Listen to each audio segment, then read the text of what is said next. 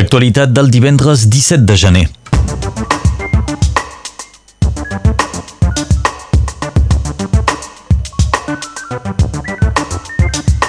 A l'actualitat sud-catalana us parlem avui de Jordi Cuixart que ha sortit de la presó de Lledoners. Carles Puigdemont va afirmar ahir que té moltes ganes de venir a Perpinyà, vindrà la segona quinzena del mes de febrer. I una nova marxa convocada pel Comitè de Solidaritat Catalana tindrà lloc aquest diumenge des de Sant Feliu damunt.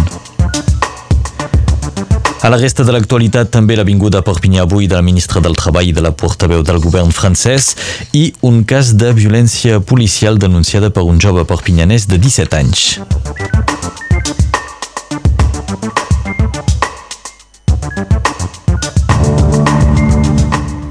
Jordi Cuixart va sortir ahir a la tarda de la presó dels Lledoners després de 822 dies. El president d'Òmnium fa ús del seu, seu primer permís penitenciari perquè ha complert el primer quart de la condemna de 9 anys dictada pel Tribunal Suprem.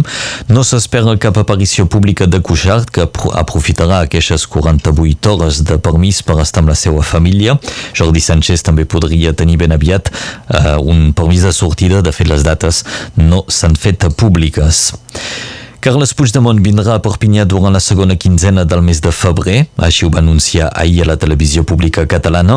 El president exiliat va assegurar que té moltes ganes de tornar a Catalunya amb Antoni Comín per agrair a la gent que ha fet possible la seva presència al Parlament Europeu. Puigdemont també va mostrar moltes ganes de dirigir-se a la gent de Catalunya Nord per agrair l'enorme esforç i la generositat que hi ha hagut també a la societat nord-catalana. Puigdemont va parlar d'una aportació impagable dels nord-catalans catalans a la història del nostre país.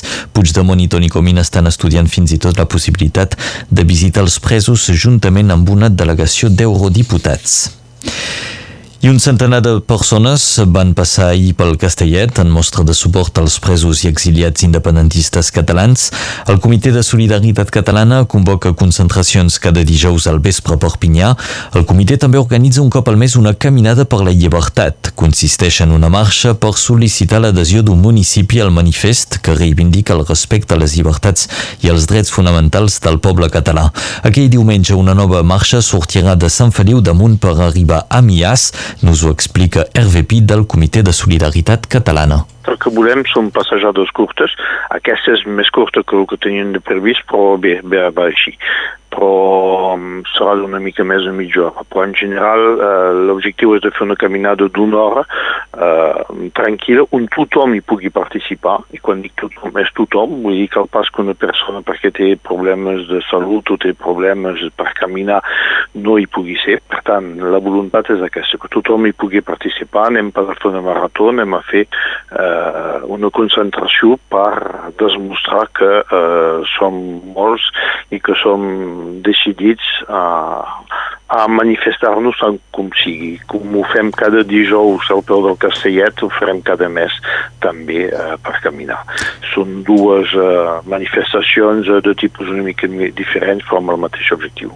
En paraules d'Hervé del Comitè de Solidaritat Catalana, la cita serà diumenge a les 9 del matí davant la Casa de la Vila de Sant Feliu damunt.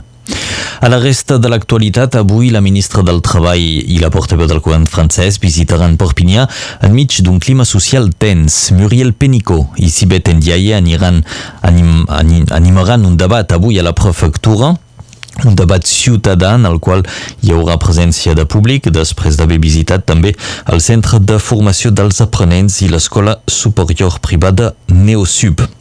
Aquest debat és previst a les 4.45 de la tarda, hauria de durar unes dues hores i davant de la prefectura, ja a partir de les 3, s'hi espera que es concentrin els sindicats que protesten contra la reforma de les jubilacions.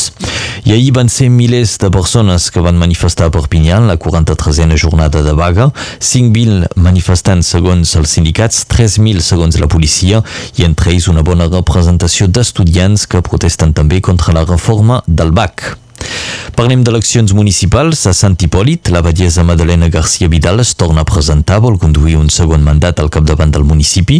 A Porvendres, a Balla, també serà candidat. Jean-Pierre Romero ha anunciat la inauguració de la seu de campanya per demà dissabte a les 10 i mitja del matí al carrer Jules Pams de Porvendres.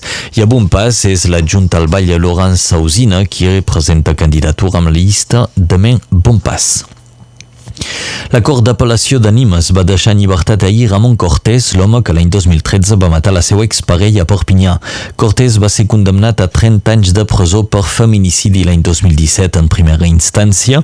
Va ser plaçat sota control judicial a l'espera del seu judici en apel·lació, que era previst entre el 20 i el 24 d'abril d'aquest any 2020. La justícia ha considerat que aquell termini vulnera el dret de l'acusat de tenir un judici en, en un període de temps raonable. Aquesta situació situació indigna part de la família de la víctima que doncs mm, s'explica pel calendari eh, sobrecarregat per les jurisdiccions. Segons va indicar l'advocat general aquest seria doncs el motiu que ha portat aquesta confusió.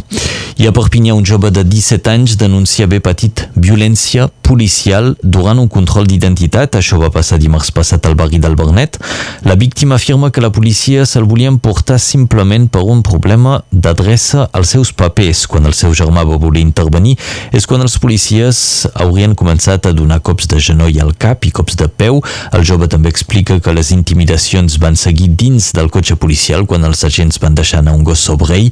Després de 24 hores de guàrdia vista, el jove va sortir amb acusacions d'ultratge i de violència sobre els agents. La família de la víctima assegura que portarà queixa contra la policia municipal de Perpinyà. El col·lectiu Ciutadans pel Clima 66 convoca avui una concentració de solidaritat amb les víctimes dels incendis a Austràlia. Fins ara, més de 10 milions d'hectàrees de vegetació han cremat, prop d'un miliar i mig d'animals han mort i 28 persones han perdut la vida, una catàstrofe que encara podria durar amb les altes temperatures que hi ha actualment i la sequera que està patint Austràlia. Ciutadans pel Clima convoca doncs una mobilització aquesta tarda a les 6 i mitja a plaça de la Victòria de Perpinyà coincidint amb una jornada mundial de solidaritat amb Austràlia. Els esports i Martin Fourcade, que va guanyar ahir la tercera victòria des de l'inici de l'any per una prova doncs, d'esprint a Alemanya a Rupolding. Amb aquesta victòria, Fourcade se situa líder de la Copa del Món de biatló. I en rugby a 15, l'USAP rebrà avui el club d'Aurillac, a Giral. L'USAP és de moment líder amb pat de punts amb Grenoble i Oyonnax.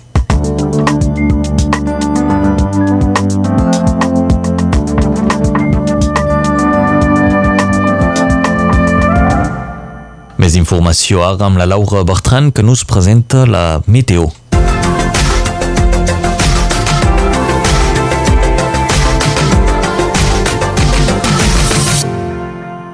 Temps variable al llarg del dia amb sol, núvols, pluges, neu i vent. Si la jornada comença amb clarianes, no es descarten algunes pluges ja al matí, sobretot a la vall de la Gli i a muntanya, on el límit pluja-neu anirà baixant dels 1.700 metres fins als 1.100 aquesta tarda. De fet, a la tarda, tot Catalunya Nord serà concernida per les precipitacions, tot i que de cara al vespre es podrien tornar a obrir clarianes. El vent és tramuntana, que s'enfortirà a finals de matí i sobretot al llarg de la tarda amb ratxes màximes de fins a 80 km per hora a la Costa Vermella. Malgrat una baixa de muntanya, les temperatures es mantenen abans d'una davallada aquest cap de setmana. Les màximes avui arribaran a valors de fins a 15 graus al Bulu, Canet i Tui, 14 a Mias, Taltaúi i Sureda, 13 graus a Eus, 11 tant a Prats de Molló com a Mosset, 10 graus a Castell, 8 a Fontpedrosa, 6 a Sayagosa, Enveig i Puigbalador, 5 graus tant a Bolquera com a Egat i 4 de màxima a Porter Pimoren. Avui és dia de Sant Antoni, diada de Menorca, ja que Antoni és el patró de l'Ia. Dins de la tradició també trobem els tres toms. Se celebren amb motiu de la festivitat de Sant Antoni Abat, protector dels animals. Consisteixen en cavalcades, curses o encara benediccions dels animals. Avui és l'aniversari de la cantant Marina Rossell, fa 66 anys. El sol es pondrà a les 17.42 aquesta tarda, guanyarem dos minuts de llum del dia. Aquest divendres arribarem al quart minvant de la lluna i diumenge serà un dia d'apogea lunar i es desaconsella de treballar l'hort.